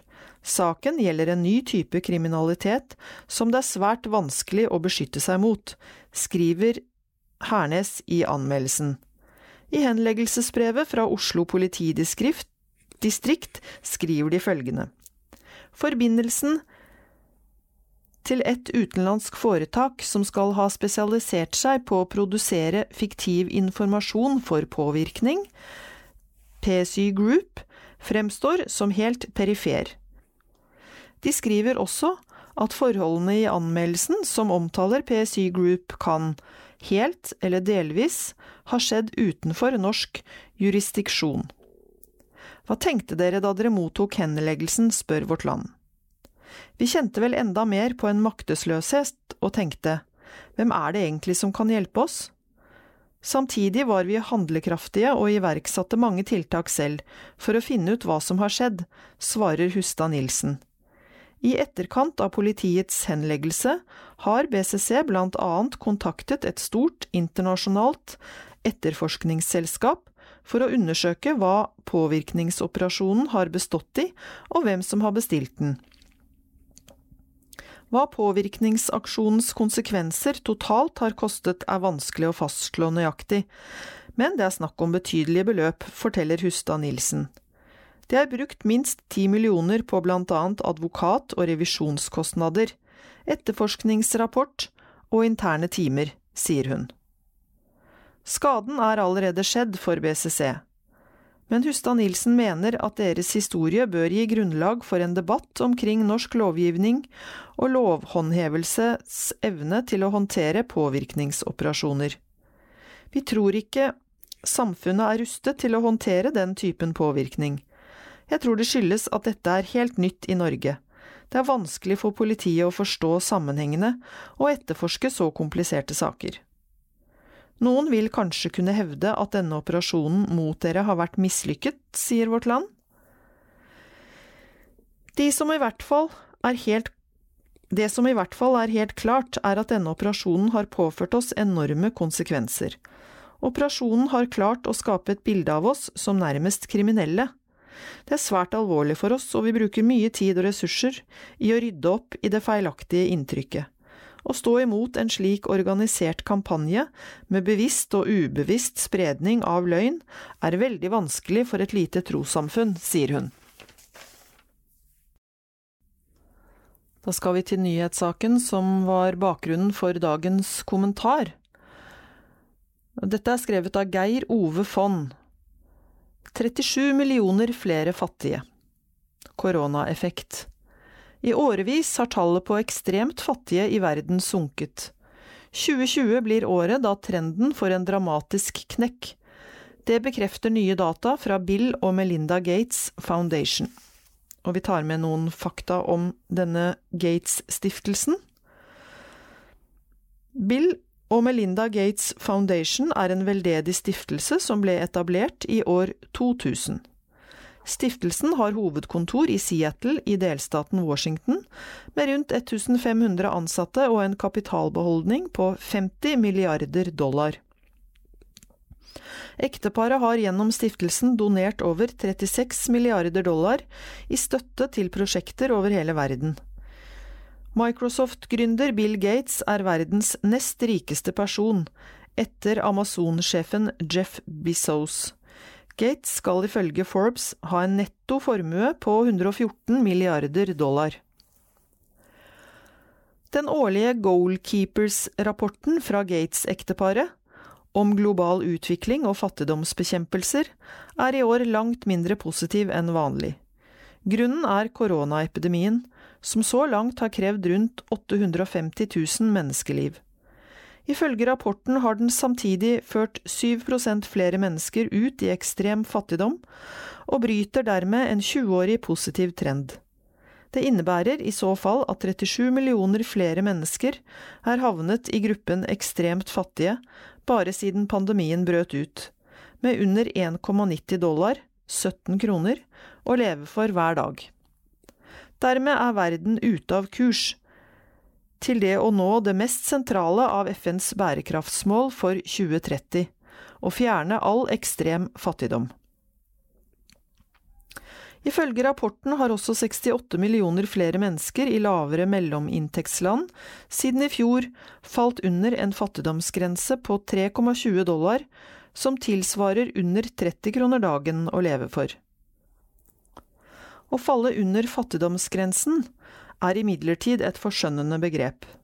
Det innebærer å måtte skrape og klore hvert eneste øyeblikk, bare for å holde familien i live, skriver Bill og Melinda Gates, ekteparet som er blant verdens største filantroper. Siden den ble etablert i år 2000 har de donert over 36 milliarder dollar til sin veldedige stiftelse. Goalkeepers-rapporten de nå legger på bordet, bryter med de tre foregående utgavene, som alle rapporterte jevn framgang for 2030-målene, på alt fra målet om null sult til utdanning for alle. Denne framgangen har nå stoppet. I denne rapporten sporer vi 18 indikatorer som er inkludert i FNs bærekraftsmål. De siste årene har verden forbedret seg på hver eneste en av dem. I år har det gått tilbake med de aller fleste, konkluderer ekteparet. Microsoft-gründer Bill Gates og kona har bidratt til en kraftig opptrapping av vaksinering av barn gjennom vaksinealliansen Gavi, der også Norge har gått inn med store milliardbeløp. Senest i mai lovet Solberg-regjeringen ytterligere 1 milliard dollar til Gavi, rundt 9 milliarder kroner etter dagens kurs, for perioden 2021 til 2030. Norges bidrag utgjør dermed rundt 10% av Gavis portefølje, og bidrar alene til å vaksinere over 30 millioner barn, med potensial til å redde over en halv million liv i tiårsperioden. Goalkeepers-rapporten baserer seg på nytt datagrunnlag fra Health Metrics and Evaluation, som anslår at koronaepidemien vil føre til at vaksinedekningen faller til nivåer som sist ble sett på 1990-tallet. Med andre ord er vi blitt satt tilbake rundt 25 år på omtrent 25 uker, advarer Bill og Melinda Gates. Gates-stiftelsen har rettet særlig oppmerksomhet mot verdens fattigste kontinent, Afrika. Rapporten peker på at den økonomiske veksten i landene i Afrika sør for Sahara var prosentmessig sterkere enn i resten av verden hvert eneste år i perioden 2000 til 2015, men fra et ekstremt lavt nivå. Kontinentet er fortsatt verdens desidert fattigste, med små muligheter til å finansiere stimuleringspakker for å motvirke de negative effektene av koronapandemien. Blant G20-landene er stimuleringsfinansieringen i gjennomsnitt rundt 22% av brutto nasjonalprodukt, BNP. Blant de afrikanske landene sør for Sahara er gjennomsnittet bare 3% og selvfølgelig er deres BNP mye mindre. Kort sagt, de har en mye mindre bit av en mye mindre kake, og det er ikke tilstrekkelig, advarer rapporten.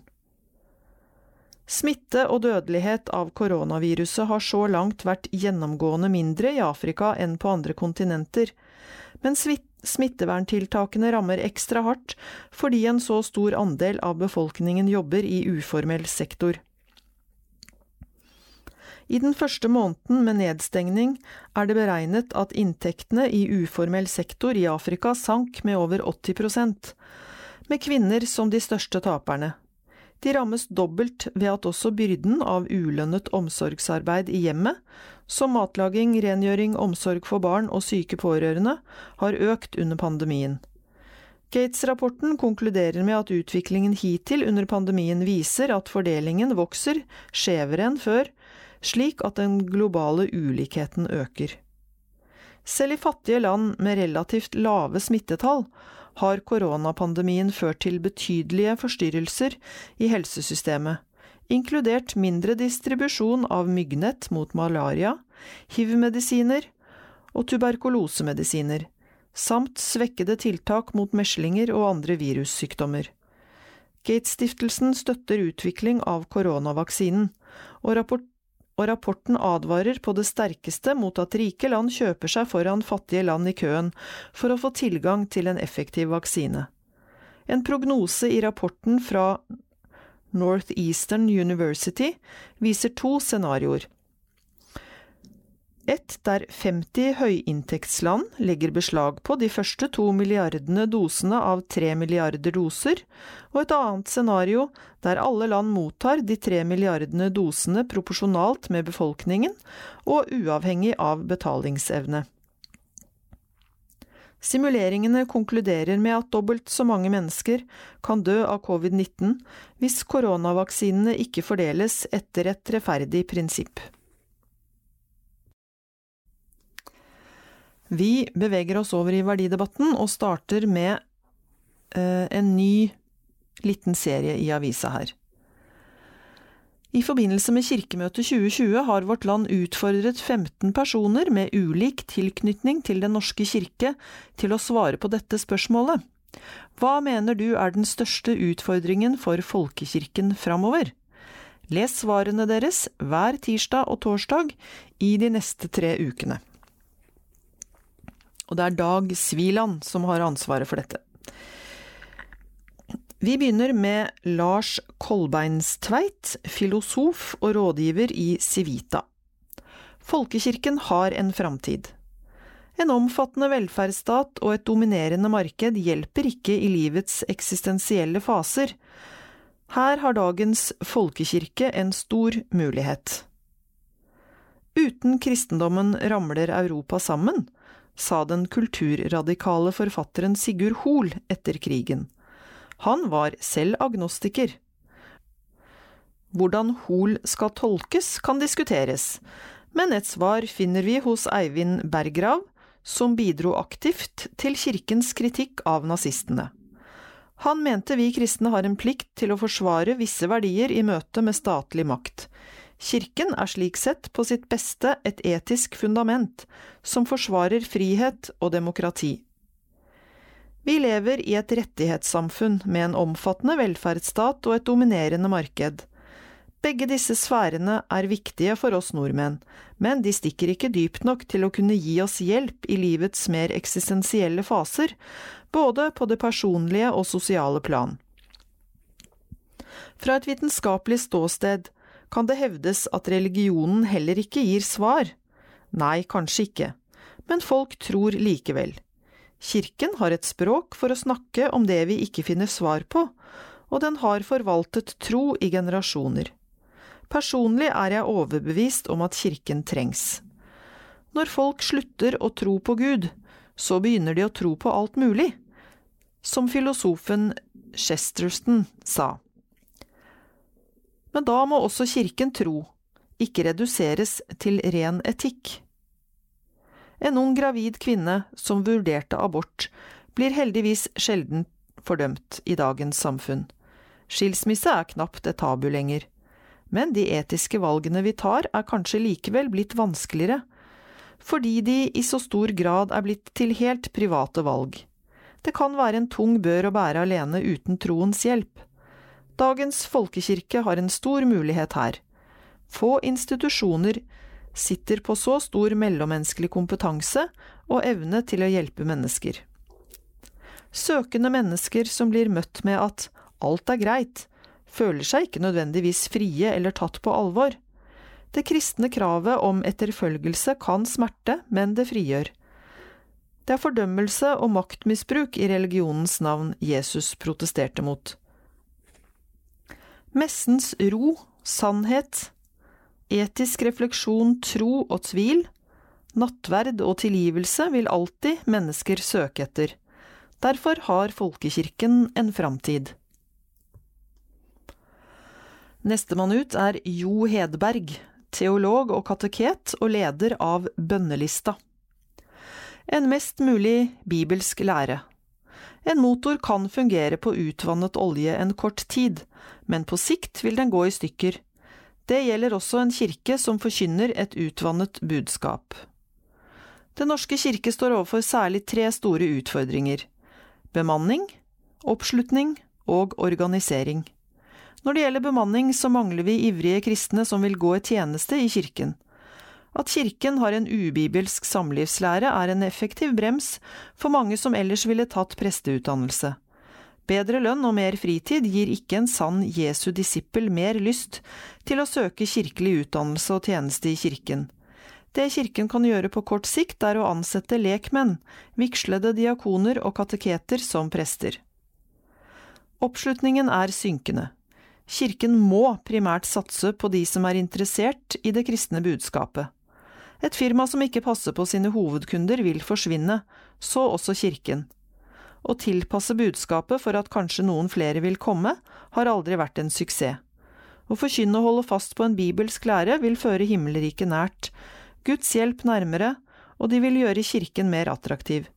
Det kristne budskapet vil dermed fungere. En motor kan fungere på utvannet olje en kort tid, men på sikt vil den gå i stykker. Kirken vil også fungere en tid, men så bli ødelagt av et utvannet budskap. Videre gjør vi klokt i å åpne noe mer for moderne musikk og former, der den enkelte menighet kan velge sin stil innen gitte rammer. Kirken trenger også økt kompetanse på det åndelige. Jesus helbredet og drev ut onde ånder. Dette skjer i dag i de fleste land i verden, men lite i vår kirke og lutherske virkelighet. Norsk TV er opptatt av ånder. Derfor er det viktig at vi opparbeider oss god kompetanse på dette. Det burde være en selvfølge at kirken har kompetanse på det åndelige. Organiseringen av kirken bærer preg av en svært topptung administrasjon. Kirken bruker ca. kroner 370 000 per prest per år for å holde presten i jobb. Dette burde vi fint kunnet klare for en tiendedel av dette beløpet. Vi burde altså fått til langt mer for 2,5 milliarder i året enn det vi gjør i dag. Pengene må i størst mulig grad sendes direkte til den lokale menighet etter en fordelingsnøkkel, og prestene og alle ansatte må ansettes lokalt. Lokal tilknytning og kjennskap må verdsettes, det er lokalmenigheten som er kirken. Konklusjon En mest mulig bibelsk lære, at Jesus får være herre i kirken, er avgjørende for kirkens framtid, og at lokalmenigheten kan styre seg selv, så ikke kirken mister initiativet og den lokale iver. Så gir vi ordet til Jorunn Økland, teolog og professor i humanistisk kjønnsforskning. En kirker for mine naboer. Blir kirken kun et aktivitetssted for spesielt interesserte, en sekt blant mange, er den ikke lenger en folkekirke. Dåpstallene raser, det er en logisk konsekvens av større endringer som har skjedd mens kirken enøyd har fokusert på å få eksisterende medlemmer til å engasjere seg og gå oftere i kirken. Blir kirken kun et aktivitetssted for spesielt interesserte, en sekt blant mange, er den ikke lenger en folkekirke. Folkekirken er avhengig av en kritisk masse for å kunne fungere som et fellesskap der medlemmer bærer hverandre over tid. Folkekirkens største utfordring er at den har skapt et inntrykk av at bare engasjerte medlemmer betyr noe. Mangler kirken tro på egne sakramenter, på tyngden i egen byggestein, i gravstein? Dogmer betyr lite i seg selv, men masse for hvordan man bygger kirke, og hvem man bygger kirker for. I teologien, som hittil lenge lå til grunn for Den norske kirke, hadde det materielle og håndfaste en plass. Brød er fortsatt brød i nattverden, men også mye mer. Det samme gjelder vinen og vannet i døpefonten. Tar man brødet ut av nattverden, vannet ut av dåpen, kirkehuset ut av fellesskapet, tonene og instrumentene ut av hjertesukk og bønner, hva er igjen da? Noe som er for abstrakt til å gi en trygg, meningsfull ramme rundt folks liv. I mye av mitt arbeidsliv har jeg studert hvorfor Romerrikets statsreligion måtte vike, og hvordan kristendom gradvis har blitt til og har overlevd. Det avgjørende vendepunkt kom da de kristne begynte å bygge kirker, som ga folk et nytt rom å gå til med sitt liv. Da sluttet de å gå til templene, som etter hvert begynte å forfalle. Når den eldre religionsformen mistet sin fysiske tilstedeværelse, forsvant den av seg selv. I dag ser vi at folk som nesten aldri går i kirka si, fortsatt blir lei seg når den brenner, når den blir stengt eller solgt. Folkekirkens største utfordring framover er å greie å se betydningen av troens stoff, de fysiske knaggene som folk kan henge sitt behov for religiøs tilhørighet på. De store folkekirkene. Jeg har bodd i tre ulike land over tid, og én ting er sikkert. Ved høytider og andre ganger jeg har hatt behov for det, har jeg ikke gått på møte hos en liten luthersk sekt som insisterer på frelse ved tro alene, og at det er feil å kysse ikoner. Jeg har gått i de store folkekirkene, som mine naboer også har strømmet til, med hele sine liv, og feiret med dem. Og vi kommer ikke utenom NLM i dag, så det blir altså en verdidebatt skrevet av Endre Stene om ledelseskultur. Og Endre Stene, han er lærer ved Fjellheim bibelskole, tidligere leder for NLM Ung, kretsleder, områdeleder og forsamlingsleder. Og han har gitt kronikken sin overskriften NLM trenger en sannhetskommisjon. Eksemplene er mange på at varslingsinstituttet i NLM ikke fungerer. Formelle prosesser brukes til å tie varslere og skyve ut uromomenter. Det organisasjonen trenger er en sannhetskommisjon. Norsk Luthersk Misjonssambands ledelse har møtt mye kritikk de siste ukene. I intervjuer og innlegg har medarbeidere stått fram med fortellinger og erfaringer. Felles for dem alle er en opplevelse av å ikke bli lyttet til, tatt på alvor. Når generalsekretær Øyvind Aasland svarer med at NLM ikke har noen kultur å ta et oppgjør med, når hovedstyrets leder Raymond Bjuland kaller kritikken for støy, når styreleder for Kvitsund gymnas, Kjetil Jensen, møter alvorlige anklager med vi ser framover, blir vonde erfaringer gjort verre. For utgangspunktet er nettopp dette, en ledelse som ikke forholder seg til kritikk.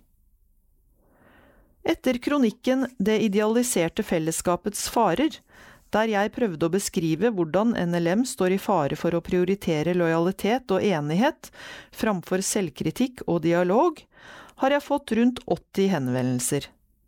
Hele bredden i organisasjonen av interessegrupper, teologisk ståsted, geografi, alder og arbeidsfelt er representert. Nærmere halvparten av dem har delt sine erfaringer om maktmisbruk og overtramp fra ledelsen på ulike nivå i organisasjonen mange har brukt år av livet på å bearbeide sårene. De trodde de var alene. Som ung teologistudent på Fjellhaug misjonshøgskole på slutten av 1990-tallet gjorde det vondt å lese i media om seksuelle krenkelser i min organisasjon. Mange ønsket vi nok at dette ikke ble omtalt offentlig. I ettertid vet vi at det var nødvendig for at organisasjonen skulle ta på alvor at seksuelle krenkelser var et reelt problem. Skal vi stoppe den type overtramp og krenkelser vi nå fokuserer på, må noen tørre å snakke åpent. Urett som det ikke tas oppgjør med, svekker NLMs integritet og åndelige bærekraft. Når noen velger å snakke offentlig, må vi gå ut fra at de vil det beste for organisasjonen, menneskene her og vårt felles mål. Derfor er det viktig å lytte til dem som våger å reise seg og dele sin historie. Som entreprenør Kai Nordhagen, som forteller i Vårt Land at han med umiddelbar virkning og uten begrunnelse ble fjernet fra styret i et NLM-eid leirsted. Når han etterspurte en forklaring fra ledelsen, fikk han generelle beskyldninger som ikke ga mulighet til kontradiksjon, eller til å skjønne hva han hadde gjort galt. I stedet ble han tilbudt sjelesorg eller personalkonsulent Leif Kåre Ombø, som sier til Vårt Land at han opplevde at bekymringsmeldingen om respektløs atferd fra regionledelsen ble ignorert. Hans varsel ble møtt med det han beskriver som hersketeknikk og maktmisbruk. Han sa opp stillingen på NLMs hovedkontor fordi han ikke orket mer. Tidligere misjonær og regionleder Rune Olav Andersson sier til Vårt Land at hans varsling til hovedstyret på regionledelsen ble avvist av generalsekretær og personalleder med begrunnelsen at en bare måtte ha tillit til prosessene på regionnivå. Generalsekretær Aasland la samtidig til at de ikke hadde vurdert saken. Lektor Siri Myklebust ved Kvitsund gymnas forteller i Dagen om sitt forsøk på å adressere overtramp i skolemiljøet. Bekymringene hennes ble forsøkt hysjet ned. Hun fikk beskjed om at ingen ved den sentrale ledelsen kjenner seg igjen. I en nedbemanningsprosess ble hun omplassert fra lærer til vaskehjelp, og fikk ikke svar fra generalsekretæren på sine henvendelser. Eksemplene viser at varslingsinstituttet i NLM ikke fungerer, og at formelle prosesser brukes til å tie varslere og skyve ut uromomenter. Generalsekretær Aasland illustrerte selv mekanismene da han i dagen uttalte at han ikke kjente til varslinger om at NLMs sentrale ledelse hadde opptrådt krenkende. Jeg kjenner slike varslinger, noen har til og med ordene varsling og krenkelse i overskriften. Når jeg til utsyn kommenterer dette, forklarer Aasland avviket slik. Så reserverer jeg begrepet krenke for alvorlige saker. Slike re- og utdefinerer generalsekretæren varslingssaker som det passer ham. Det samme skjer når personalleder Kari Margrethe Solvang uttrykker i dagen Min bekymring og erfaring er heller at det er den utsatte som blir usynlig. På den måten forbeholder ledelsen seg retten til å bestemme hvem som er utsatt til enhver tid. Og det er ikke den som klager eller kritiserer, for slike har en heiagjeng rundt seg, ifølge personallederen. Hun viser liten forståelse for hvor asymmetrisk maktforholdet er mellom en enslig varsler og Nord-Europas største misjonsorganisasjon, og hvilken mektig heiagjeng ledelsen samler rundt seg. Formann i hovedstyret Raimond Bjuland synes å mene at kritikken handler om at folk er misfornøyd med utfallet av saker. Vi har ansvar for å gjennomføre vedtak som blir gjort, selv om noen blir misfornøyd. Slik ignorerer han at kritikken primært handler om prosesser, ikke konklusjoner. NLMs ledelse viser til positive medarbeiderundersøkelser, men tar ikke inn at de fleste som erfarer dårlig behandling, slutter eller opplever seg presset ut. NLMs ledelse forklarer konflikter og misnøye på misjonsfeltet med uenighet om strategiske veivalg istedenfor å ta på alvor at mange mener det skyldes dårlig personalbehandling og fravær av dialog. I det hele tatt ser NLMs ledelse ut til å konsekvent gi kritikeren skylden for kritikken, heller enn å ta den. Det er i den konteksten vi må forstå Etiopia-misjonær Odd Rannestad, som i dagen kommenterer ledelsens påstand om at de lytter til kritikk med en som lytter, må gjøre mye mer enn å høre lyder fra en annens munn. Eller som de tolv anonyme NLM-erne uttrykte i Vårt Land, personalarbeidet i NLM har i løpet av de siste årene hatt stort fokus, mye godt er utført, men god personalomsorg handler først og fremst om hvordan enkeltmennesker blir møtt. Det burde rigge en bjelle allerede når Ombø, som har vært personalkonsulent i mange år, sier i full offentlighet.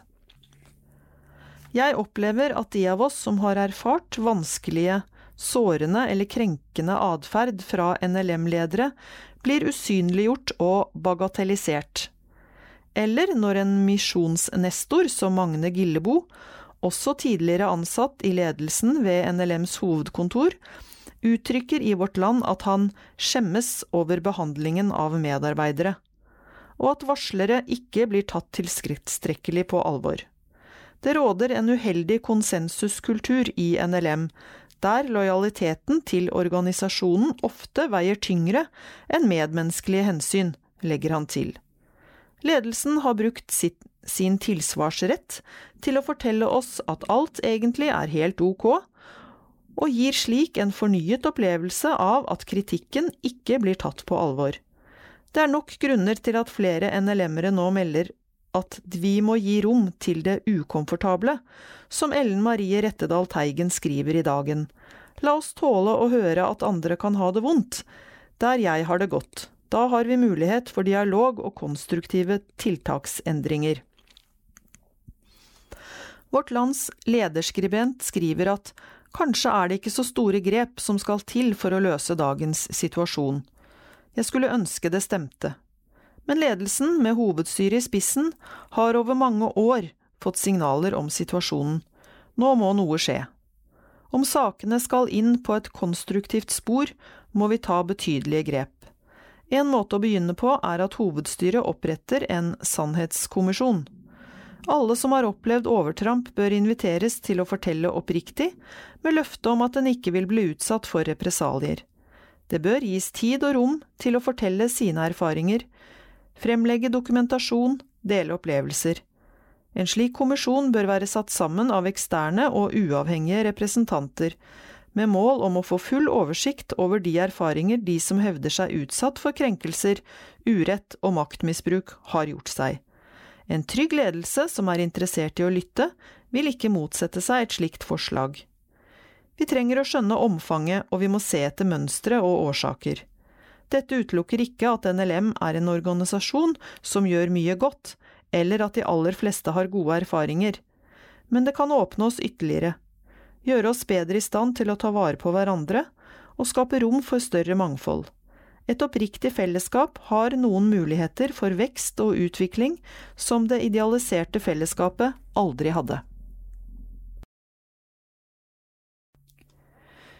Vi avslutter denne torsdagen i Kulturavdelingen med en reportasje skrevet av Arne Guttormsen. Messe for en ny gud i Jakobkirken. Teknologimesse. Det siste min farmor gjorde om kvelden var å folde hendene. Det siste jeg gjør er å sjekke mobilen, sier Erik Hillestad, som har skrevet en ny narreliturgi, hvor teknologien er guden vi ber til. Søndag inntar en ny gud Kulturkirken Jakob, med premieren på Messe i Malstrømmen. Når menigheten tar imot narrvelsignelsen, lyder den slik.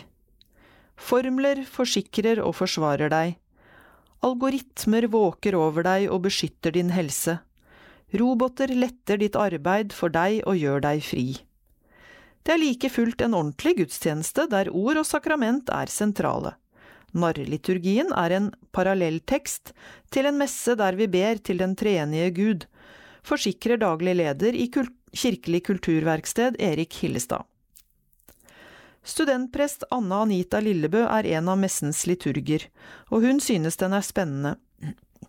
Som liturg har hun en konkurrerende stemme, som har fått det speilvendte navnet Grutil. Min første tanke var at messen er en lang kyrie og synsbekjennelse på samme tid. Etter å ha fått messa litt mer under huden, opplever jeg at grutilens stemme speiler vår hengitthet til teknologien. Hvordan treffer innholdet deg, spør Vårt Land. Jeg elsker digitale duppedingser, og alt som ulike apper kan hjelpe meg med. Samtidig er det skremmende at så mye informasjon om livet mitt er lagt inn på udefinerte adresser til evig tid. De kan komme på avveie, og da kan livene våre bli ganske knust. Slik det skjer når bilder av deg legges ut slik at du ikke selv, slik du ikke selv ville ha delt dem.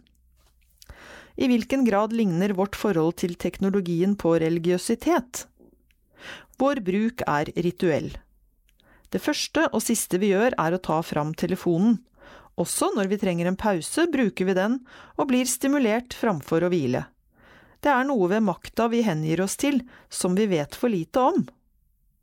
Hvordan reagerer du på at både Fader vår og velsignelsen får nye ord, spør Vårt Land. Det er ikke friksjonsfritt å gjøre det. Men den stemmen er et speil som gir et annet blikk. For meg er det avgjørende at det siste vi hører er velsignelsen, slik vi kjenner den, svarer Lillebø. Erik Hillestad har skrevet messen fordi spørsmålene trenger seg på. Hva og hvem er det vi tilber? Hva og hvem får egentlig vår hengivenhet? Når vi går til gudstjeneste i kirken, sier vi at vi tror på den treenige Gud, men hva forteller livene våre om hva og hvem vi faktisk stoler på? Dag Hareide ga nylig ut boka Mennesket og teknomaktene, og sa her i avisen at Google er blitt den guden vi ber til. Hillestads messetekst er også opptatt av det eksistensielle ved avhengigheten teknologien skaper, og hvordan det i praksis nærmer seg en religiøs kultus. Han sammenligner sin egen hverdag med farmorens. Hun startet dagen med radioandakten, og det siste hun gjorde var å folde hendene i bønn. Det første jeg gjør er å åpne smarttelefonen, sjekke nyheter og henvendelser, det siste jeg gjør er noe tilsvarende. Mediene har overtatt livsritualene våre, sier Hillestad. Han mener det er et spørsmål om hengivelse. Mens farmor overga alle sine tanker, spørsmål og uro om barn og barnebarn i et aktivt bønneliv, gjør vi noe av det samme, men ved å fòre teknoinnretninger med data og bilder. Den typen hengivenhet er en erstatning som er blitt en malstrøm vi ikke kommer ut av. Det er vanskelig å få øye på noen vei tilbake, sier han. Messen følger den kjente grunnstrukturen, men i tillegg til de liturgiske tekstene hører vi Gru Thiels stemme. Skjermenes, skyens og teknologiens nye gud prises med ordene Velkommen, nye Gud, du har mange tusen navn, du fortærer alle bilder, svelger sagn og knuser myter, du er skapt for denne tiden, hvor vår løgn får sannhetsry. Det sterkeste har vært å formulere vår avhengighet som et bønnespråk. Å gi det et religiøst språk er en avsløring av hva vi holder på med. Jeg må innrømme at jeg er fanget av det. Teknogigantene har skapt et føydalsamfunn der jeg er en leilending. Min virksomhet i Kirkelig kulturverksted kan kalles et jordstykke underlagt føydalherrer. De bestemmer suverent hva jeg skal betale og få betalt. Jeg har ingen innvirkning på det, er helt avhengig av dem og kommer ikke løs. Så inngripende er det at jeg har behov for å gi uttrykk for hvor nært det er det eksistensielle, sier Hillestad. For å slippe unna kan han søke til kunstens univers, men også det er vanskelig på grunn av pandemien. Det andre universet er kirken og troen. Gudstjenesten og andaktslivet er fristeder, men også kirken er i ferd med å gjøre seg avhengig av det teknologiske. Du ser det i den store begeistringen over at kirken når mange gjennom strømmetiltak. Det er mye oppfinnsomhet i det, men jeg er usikker på hvilken avhengighet det skaper, og om vi kan opprettholde troens sted som et fristed fra det teknologiske herreveldet, sier Hillestad. Komponist og musiker Øyvind Christiansen har samarbeidet med Hillestad om flere av Jakob-messene. Denne gangen er all musikken blitt til på hans Powerbook. Den er preget av teknologiens programmerte verden, med looper og innslag av industrielle lyder. Balansen er hårfin mellom den voksende daglige bruk av moderne teknologi og den altoppslukende opplevelsen av at man ikke kan være det foruten. I mitt arbeid er jeg en storforbruker av teknologi. Jeg vil være med i den teknologiske strømmen, samtidig som det er så mye eksistensiell kraft i det. Det er komplisert, ikke bare om man kaller seg kristen eller, eller religiøs, det utfordrer selve humanismen. Midt i det strever vi mot og seiler med, sier han. Hva tror du reaksjonene på messen blir? Å sprenge formater og horisonter har vi gjort i de 20 årene Jakobkirken har vært et liturgisk og teologisk verksted. Jeg håper at reaksjonen skal bli wow, her tas det på kornet som det snakkes om på mange arenaer, sier komponisten. Og da tar vi til slutt en liten oppsummering av Ny Jakobsmesse. Messe i Malstrømmen av Erik Hillestad, tekst, og Øyvind Christiansen, musikk. Den nye messen har premiere i Kulturkirken Jakob 20. september klokken 20.00. Det er den sjette i rekken av Jakob-messer, som siden 2000 har vært arrangert i samarbeid med studentprestene i Oslo. Verket er en satsing i anledning Kulturkirken Jakobs 20-årsjubileum. Blant de medvirkende er Øyvind Christiansen på piano, Mariann Lisland, Marte Wang og Live Maria Roggen vokal, Sverre Kyvik Bauge cello, Jonas Vemøy trompet og skuespilleren Thea Stabel. Tekniske løsninger er ved Tim Harris, Audun Notevarp, Martin Abrahamsen, Geir Pedersen og Helge Taksdal. Camilla Auli Eskilsen og Anne Anita Lillebø er liturger. Messene arrangeres hver søndag kveld og administreres året rundt av Mariann Lisland. Da var vi ved veis ende denne torsdagen. Minner om at det er KAB, kristent arbeid blant blinde og svaksynte, som produserer lydutgaven av Vårt Land. Og vi høres igjen i morgen. Ha en fin dag.